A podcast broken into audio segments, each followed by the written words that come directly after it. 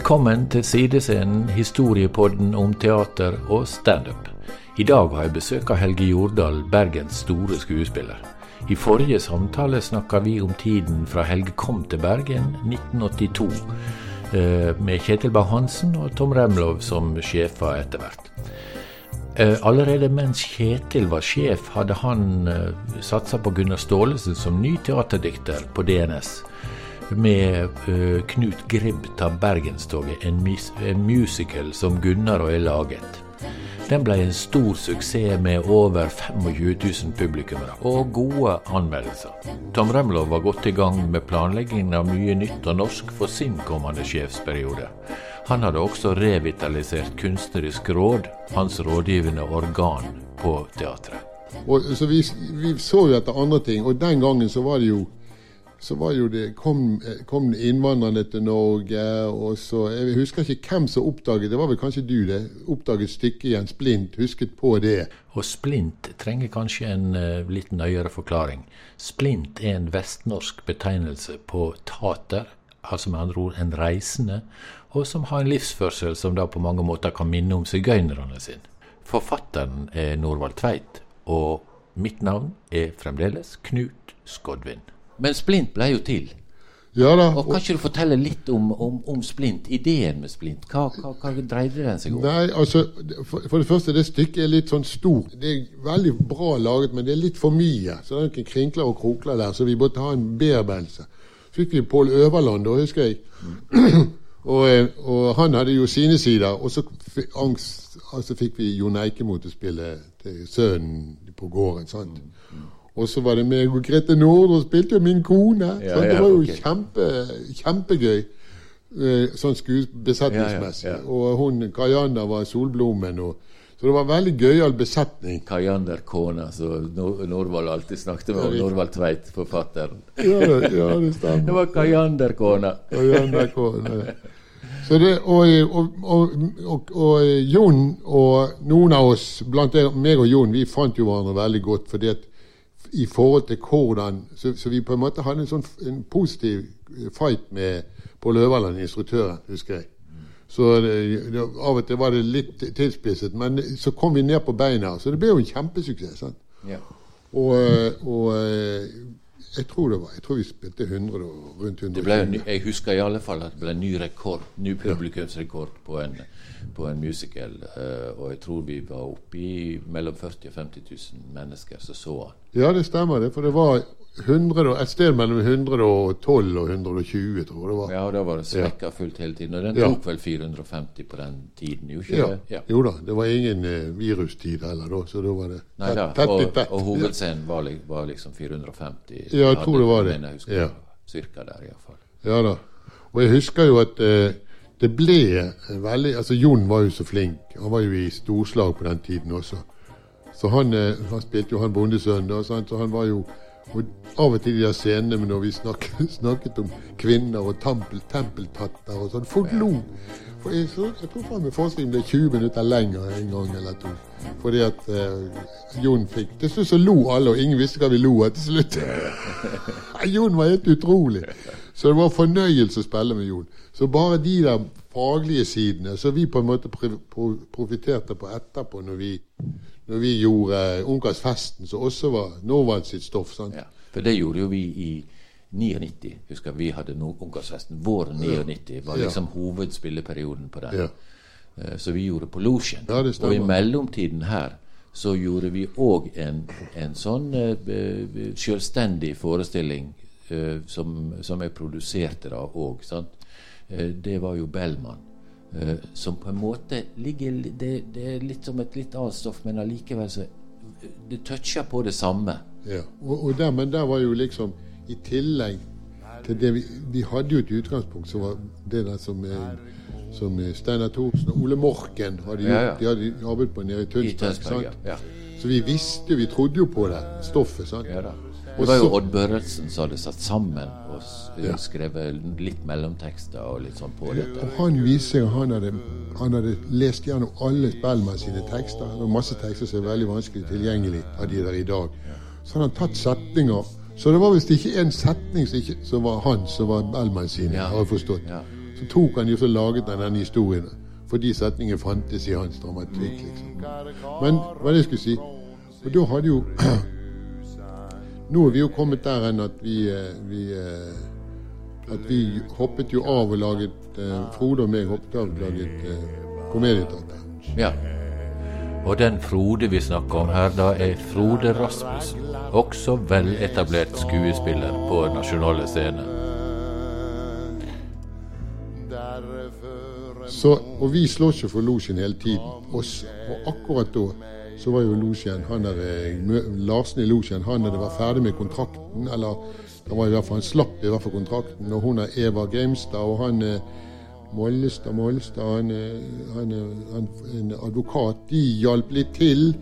Så vi, slå, så vi fikk jo på en måte Da slapp de jo losjen som eh, business, som den gode Ja. At det ble en, en Ja. forestillingssted istedenfor en scene. kunne, ja, og dermed så kunne vi hive oss på, og da var jo losjen liksom Bellman. Da passet det veldig.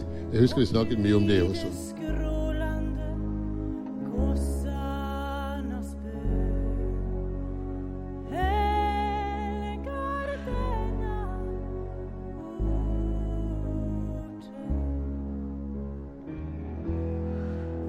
I dag er jo Losjen blitt overtatt av Vestnorsk Teater, slik at det er et statsstøtta teater som har flyttet inn der. Men de første årene ble de jo drevet mer som et interimsstyre og ingen fast uh, organisering. De hadde ansatt en daglig leder som faktisk var veldig, veldig flink og gjorde det første året før det ble en mer organisert eh, kulturell virksomhet der.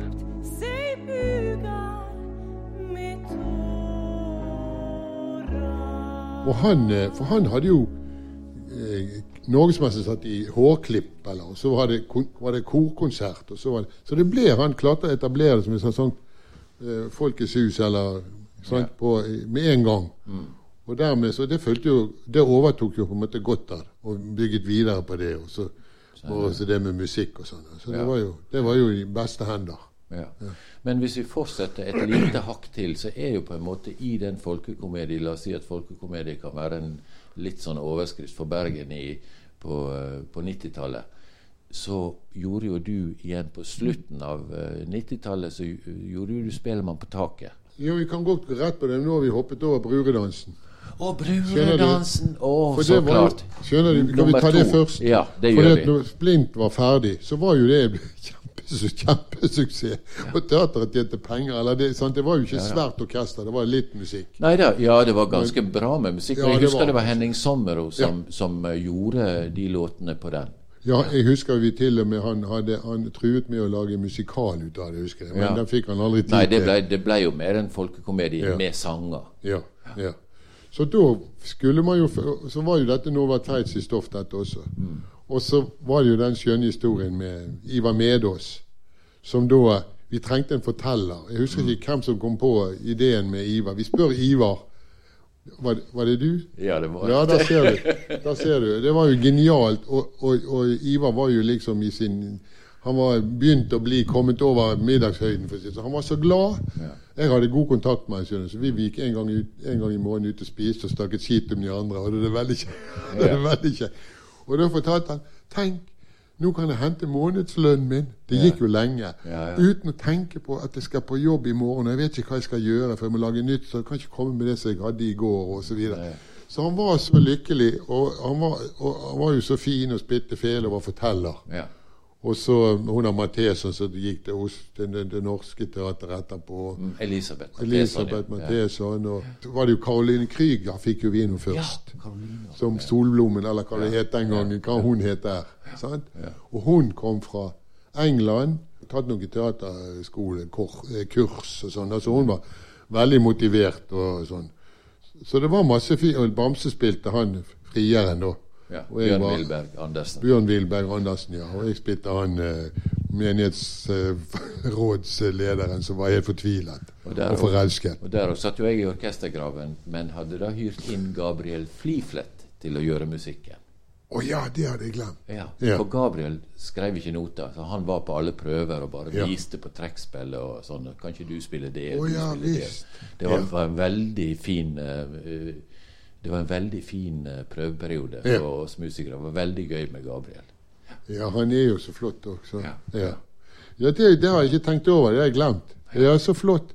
Det var masse andre sider man, før vi nå begynner på det der igjen. Det var noen andre sider ved teateret og ved det med skal vi si det, ensemblefølelsen og ensemble, det å være på teater den gangen. Som, sånn vi, like før hadde vi jo laget Gunnar sin eh, restaurasjonskomedie eh, rose'. sant? Ja, ja. Da husker jeg, og alt Gunnar hadde skrevet, var liksom, funket ikke helt bra for oss. Og Gunnar var der, og, og Lothar og meg var kranglet som faen og fant på ting. Og, og det ble jo kjempe, kjempesuksess. Ja, det var noen år før. Ja, og så var det Hellemusfolket Var vel eh, Selvfølgelig. før òg der. Sant? Den store, episke greia. Ja. Som òg også Gunnar sto bak. Ja, altså. Om det var Amalie Skram, men det var jo Gunnar som som, eh, lagde teater ut av det. Så det var liksom masse som rørte seg, og mange som mente ting og ville ting og sånn. Så, så det, ja, det, det, det er fint å tenke på i dag, da. Ja da, og det, det viser seg jo mye av det folkekomediestoffet så du på en måte Når du snakker om 'Vaskerødens rose', og vi snakker om Hellemyrsfolket og, og Norvald og sånn, så er det på en måte et folkelig fortellerteater det dreier seg om. Og det var jo det som på en måte blei grunnsteinen i suksessen på på, på, på 90-tallet og, og under Toms periode. Ja, og vi ble jo ganske flinke. Frode og meg så brøt jo ut og laget det der eh. Ja. Frisket opp igjen. Og da Ja. brukte vi Jeppe, sant? som Jeppe var det siste komedieteatret. Spilte i 33, 1933, var det vel. De ga seg. Eh, nei, eh, 63. Og, og så De begynte vel i 33. Og så skulle vi liksom friske opp igjen det. Og det var jo kjempesuksess. Men det var jo også fordi vi hadde gjort det med under Tom på hovedscenen. Og så flyttet vi det over til Strilelandet og Penbergensk og sånn. Ja, for jeg husker den som vi gjorde på, på DNS, var jo en engelsk instruktør. Ja. Husker jeg, for jeg skrev musikken til det. Det. Og, og det var jo litt sånn stilisert eh, annerledes, men det var jo òg noe som slo veldig godt an. ja, det, ja, det var, jeg husker vi- det er 66 fulle hus, tror jeg det var. ja, det var Jeg, såpass. jeg vet ikke om jeg husker, hvorfor jeg husker det, men jeg husker det veldig godt. fordi at, Og han der, der på scenografen, han var jo han var en fantastisk fyr. Jeg syns det var så vakkert, det han laget. Og så skjønte han meg som med det der med å spille med det der gjerdet og det der. Jeg syns det var fantastisk.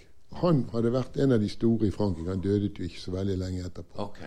Han var en av de store til Hun hadde jobbet med Muskin og med Ja, jeg husker han var liksom Ja. sånn Og i Molière-ting Ja. og sånt. da. Ja, og frøken Krogvik hun var fortvilet med en gang, men hun var veldig fornøyd etterpå. For hun hadde gjort alt klart han og sydd nye, nye kostymer til han. Ja. Så han ville ikke ha det der, for det var altfor fint. Han ville ha. Så gikk de på, på loftet. Sammen gikk de rundt, og han plukket, og hun fant det ut. Og plutselig så ble hun helt annerledes i ansiktet. Hun var veldig fornøyd. Så det var, en, det var jo et eventyr, det der. Ja, den strenge Den strenge, frøken ja. Krogvik. Og hun Hun la ikke du deg ut med. Nei, det la du ikke.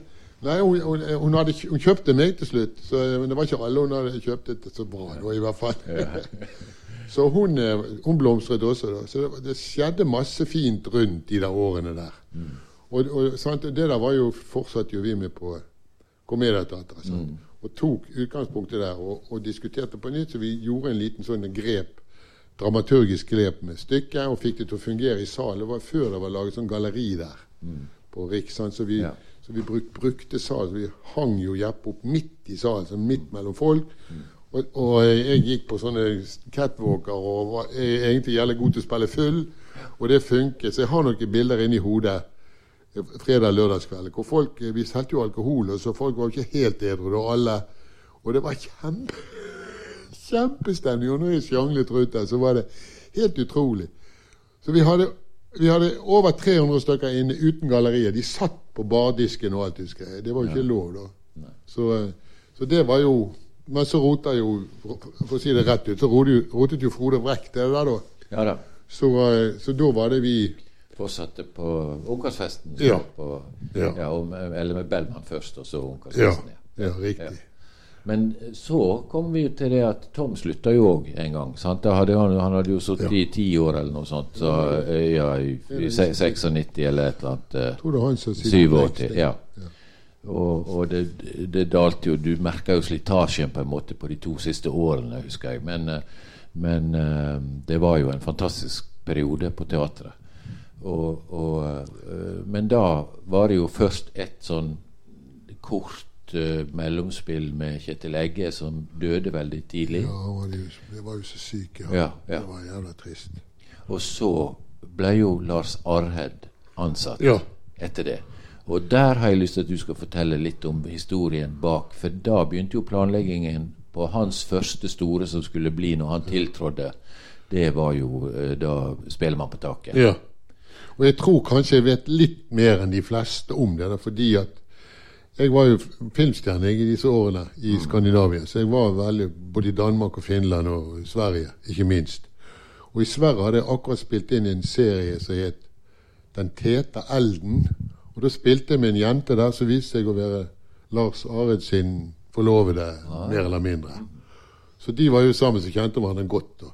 Så når Lars søkte på den stillingen, alle i styret de syntes han her var så pen og kjekk og hadde så gode ideer, så det var jo bare styreformannen som var Den gangen var det Først var det Oddmund Søyl. Ja. Nei, han, han ville ha Svein Stjørdal til sjef. Ja. Sånn var det. Ja.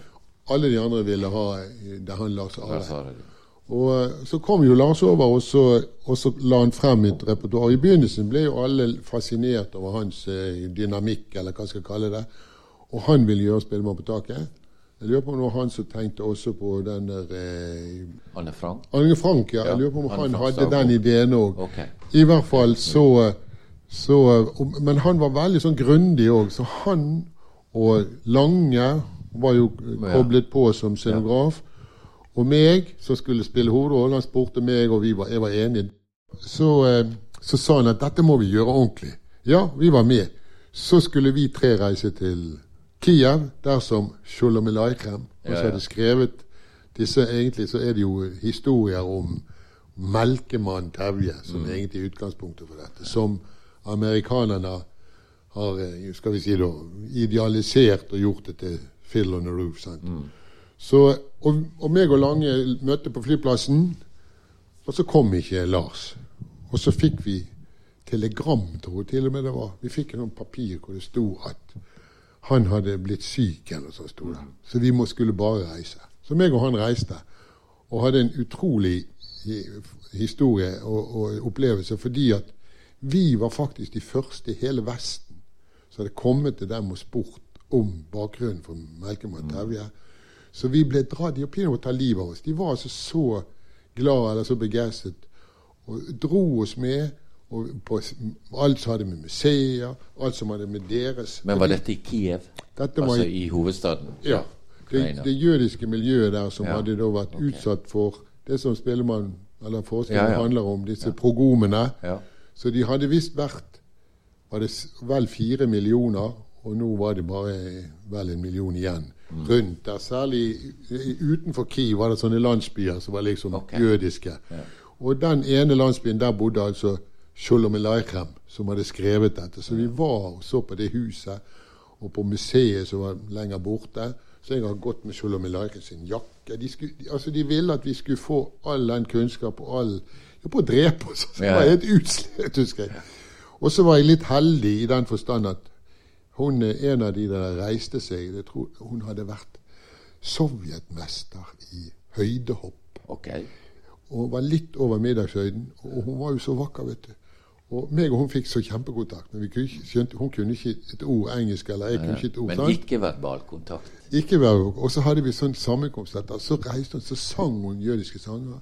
En annen også sang sanger. Så tenkte jeg vi kan ikke bare sitte så Hva skal, gjør man da for Så jeg reiste meg og sang 'Kom nå her og hør på meg og Linemor' og Fj- 'Fjellveivis' og Ja, ja. sånne teite bergenssanger. Ja. Og de elsket oss og tok gitar og spilte Vresvik, for det kunne jeg den gangen. Ja. Sant? Så det var, vi var, det var full sånn forbrødring. Ja.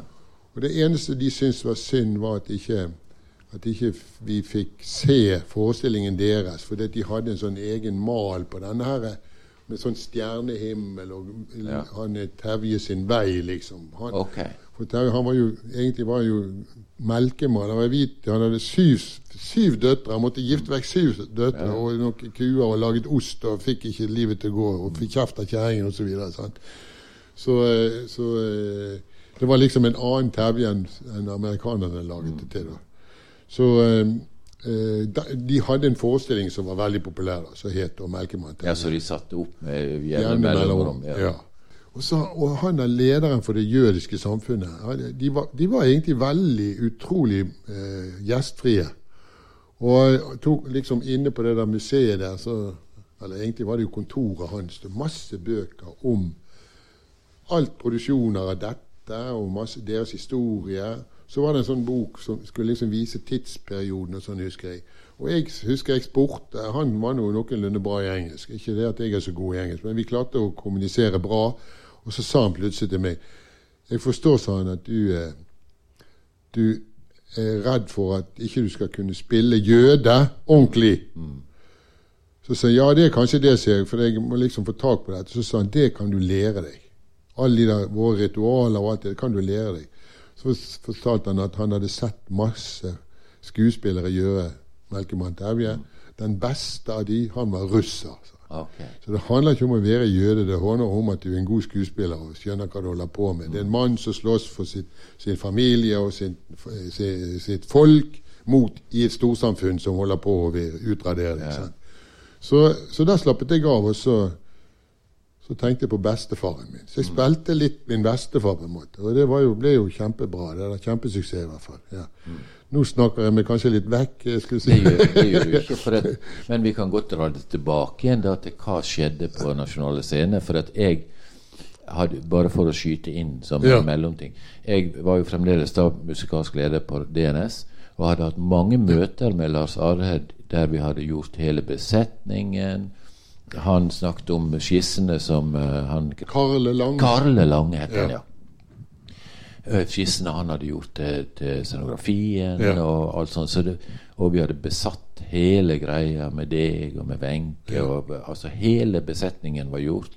Og jeg hadde allerede tatt kontakt med med, med han Atle Halstensen da, for å Ja. gjøre de musikalske arrangementene. Så vi var i god gang og hadde, Ja.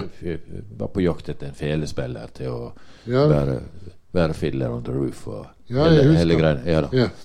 Så he, hele malen var jo på en måte lagt uh, eh, før det, dramatikken rundt, uh, rundt uh, Lars Arhed begynte. Hva var det som egentlig skjedde i forhold til dette telegrammet? Sant? Hva var det som foregikk bak kulissene? Når han fikk jobben, så sa Søyl dette kan ikke jeg stå for. Så han gikk.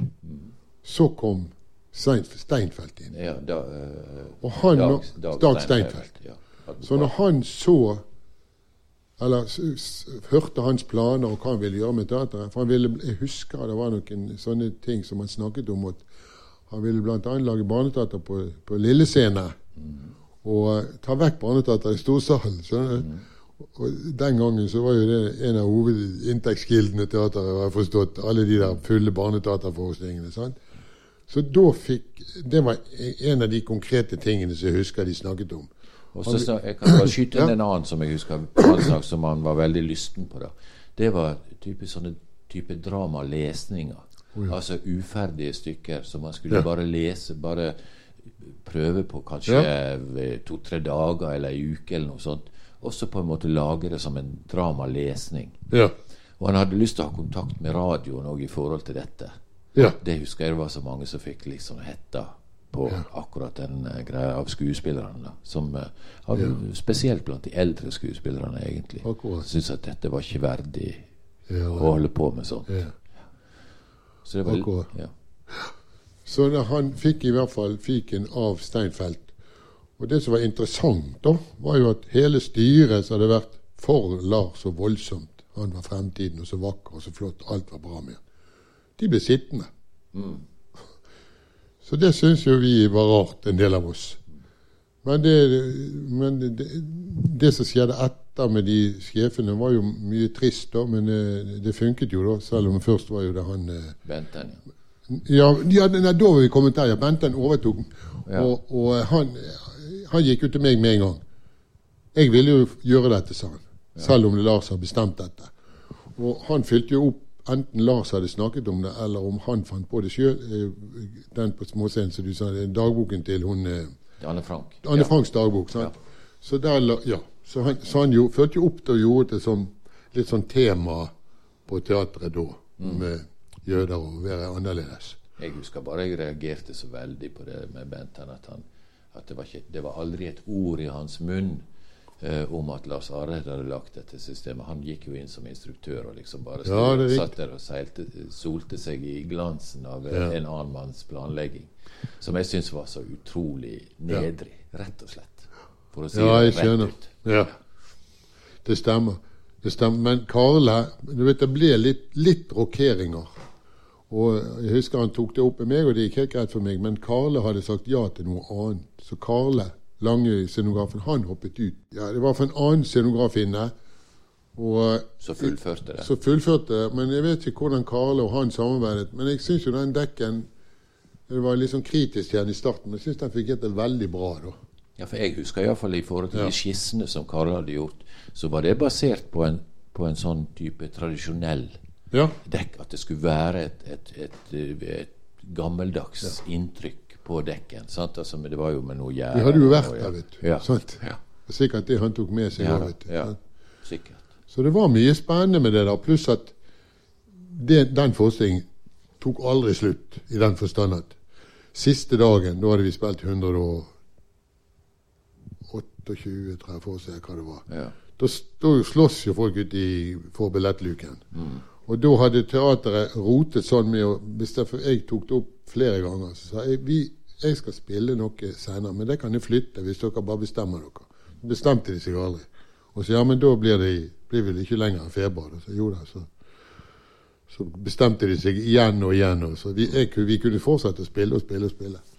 Men det er jo institusjonsteater. Det er jo nasjonalteater nå, da. Det er jo ikke meningen at vi skal spille for å spille inn penger. Vi skal jo spille for å fortelle noe om verden i dag. Ikke det det? Vi, det er Jo, ikke det- det, det Nationaltheatret skal gjøre, Vi snakker om det. Ja.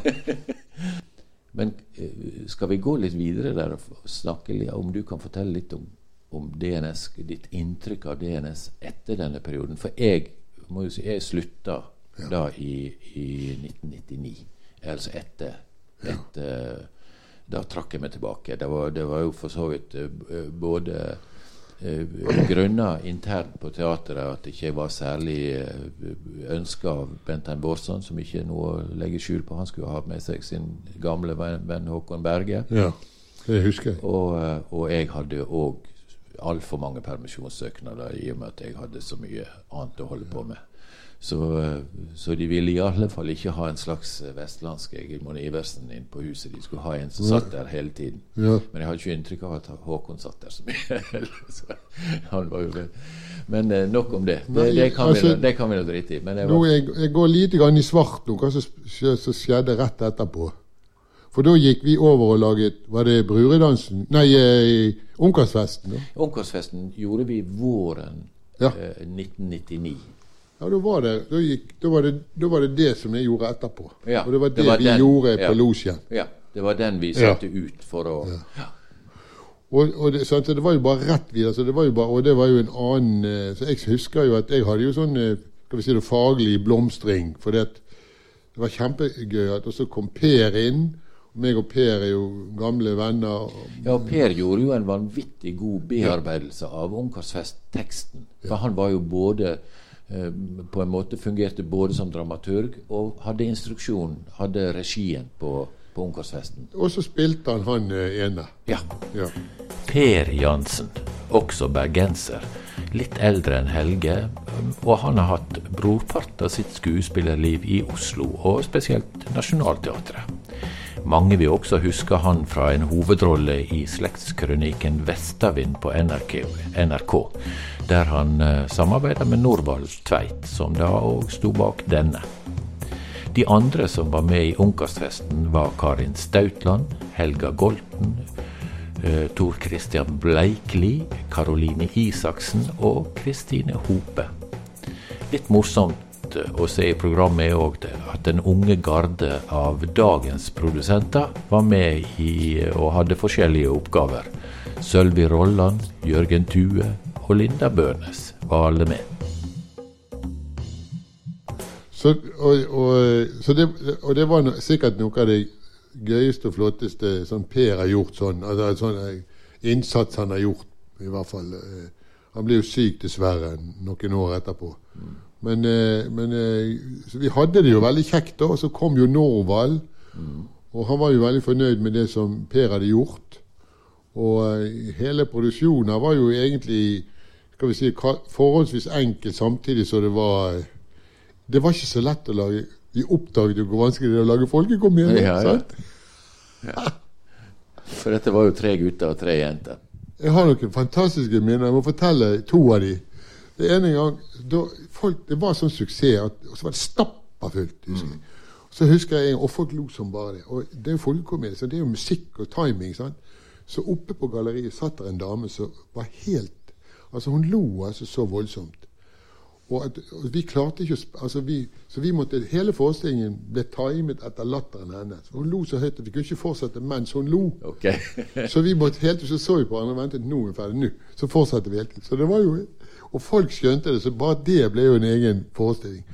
Pluss at når det var noe sånne Der kom jo en del folk fra distriktet. Og de kombinerte gjerne med møter og fest og hva de hadde vært på. Ja, ja. Så de, de lå jo av og til igjen der, husker jeg. Ja, Der lå folk innimellom stolene vi var ferdige å spille. Da tenkte jeg på Nå er det komedieteater. Dette er gøy. Dette er ekte. Og Ole jeg har snakket med Ole Morken om dette, og Ja. han fortalte jo at dere hadde jo vært på sånn promoturné fra Haugesund til Indre Sogn omtrent, sant? og snakket med lokalaviser, og, og da var jo lokalradioene begynt og sånn, så han fortalte med glede om hvordan du og han hadde vært rundt og Ja, det- promotert dette. Ja, det hadde jeg glemt. Ja. Blant annet fra hjemtraktene dine. Ja, ja, Husker jeg på Høyanger. På Høyanger Ja. på, på eh, supermarkedet der, Ja. Mm. eller på Rema 1000, eller hva det nå het. Så sto vi ved siden av kassen. Ja. ja, det stemmer. Vi gjorde jo litt sånn. Og så samarbeidet vi jo til og med litt Det er også ok å si, fordi at eh, eh, det var vel SAS-hotellet, hva det nå heter i dag, vet jeg ikke. Ja, det, Nei, det var, det var ute han, han som nå har August, nei, Augustin, var primært, og litt med SAS-hotellet Ja. Men den flinkeste av de alle, det var salgssjefen på Augustin. Ja. Men det skulle jeg si, for vi samarbeidet jo med Og de var også litt med på, på disse reisene, i hvert fall var Ja, ja, ja. SAS-hotellet det. Så det, det der med å selge pakker og, og så det, var- begynte da. Det var jo en veldig naturlig fortsettelse ifra, ifra uh, Spellemann på taket òg. Ja da, det kan du si.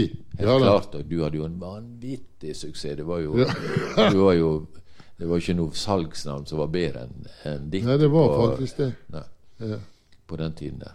Ikke uh, hele ja, Men det jo på, på, var jo på en måte i Bergen hele 80- og 90-tallet. Så var jo Ja. Høe i en helt egen divisjon, Så det for så vidt er den dag i dag. Men det er nå som presset snakker men til meg. De er redd meg, tror jeg. Ja, men, de er litt, de er, ja det er, og det er jo kanskje litt lenger mellom. Du er jo blitt 75 nå, er ikke du det? Nei. 74. Ta det, ta det litt med ro. Én liter, én der 74 får holde. 74,5.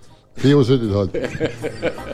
Da avslutter vi dagens samtale, og vi fortsetter eh, ha en episode til der vi snakker om DNS og 2000-tallet. Takk for i dag. Tempeltatt songen. Ei Nordfjordjente med tempeltatta, et himmelsk syn for den kresne mann. Ei Nordfjordjente med tempeltatta, sett mannshormoner i ilterbrann.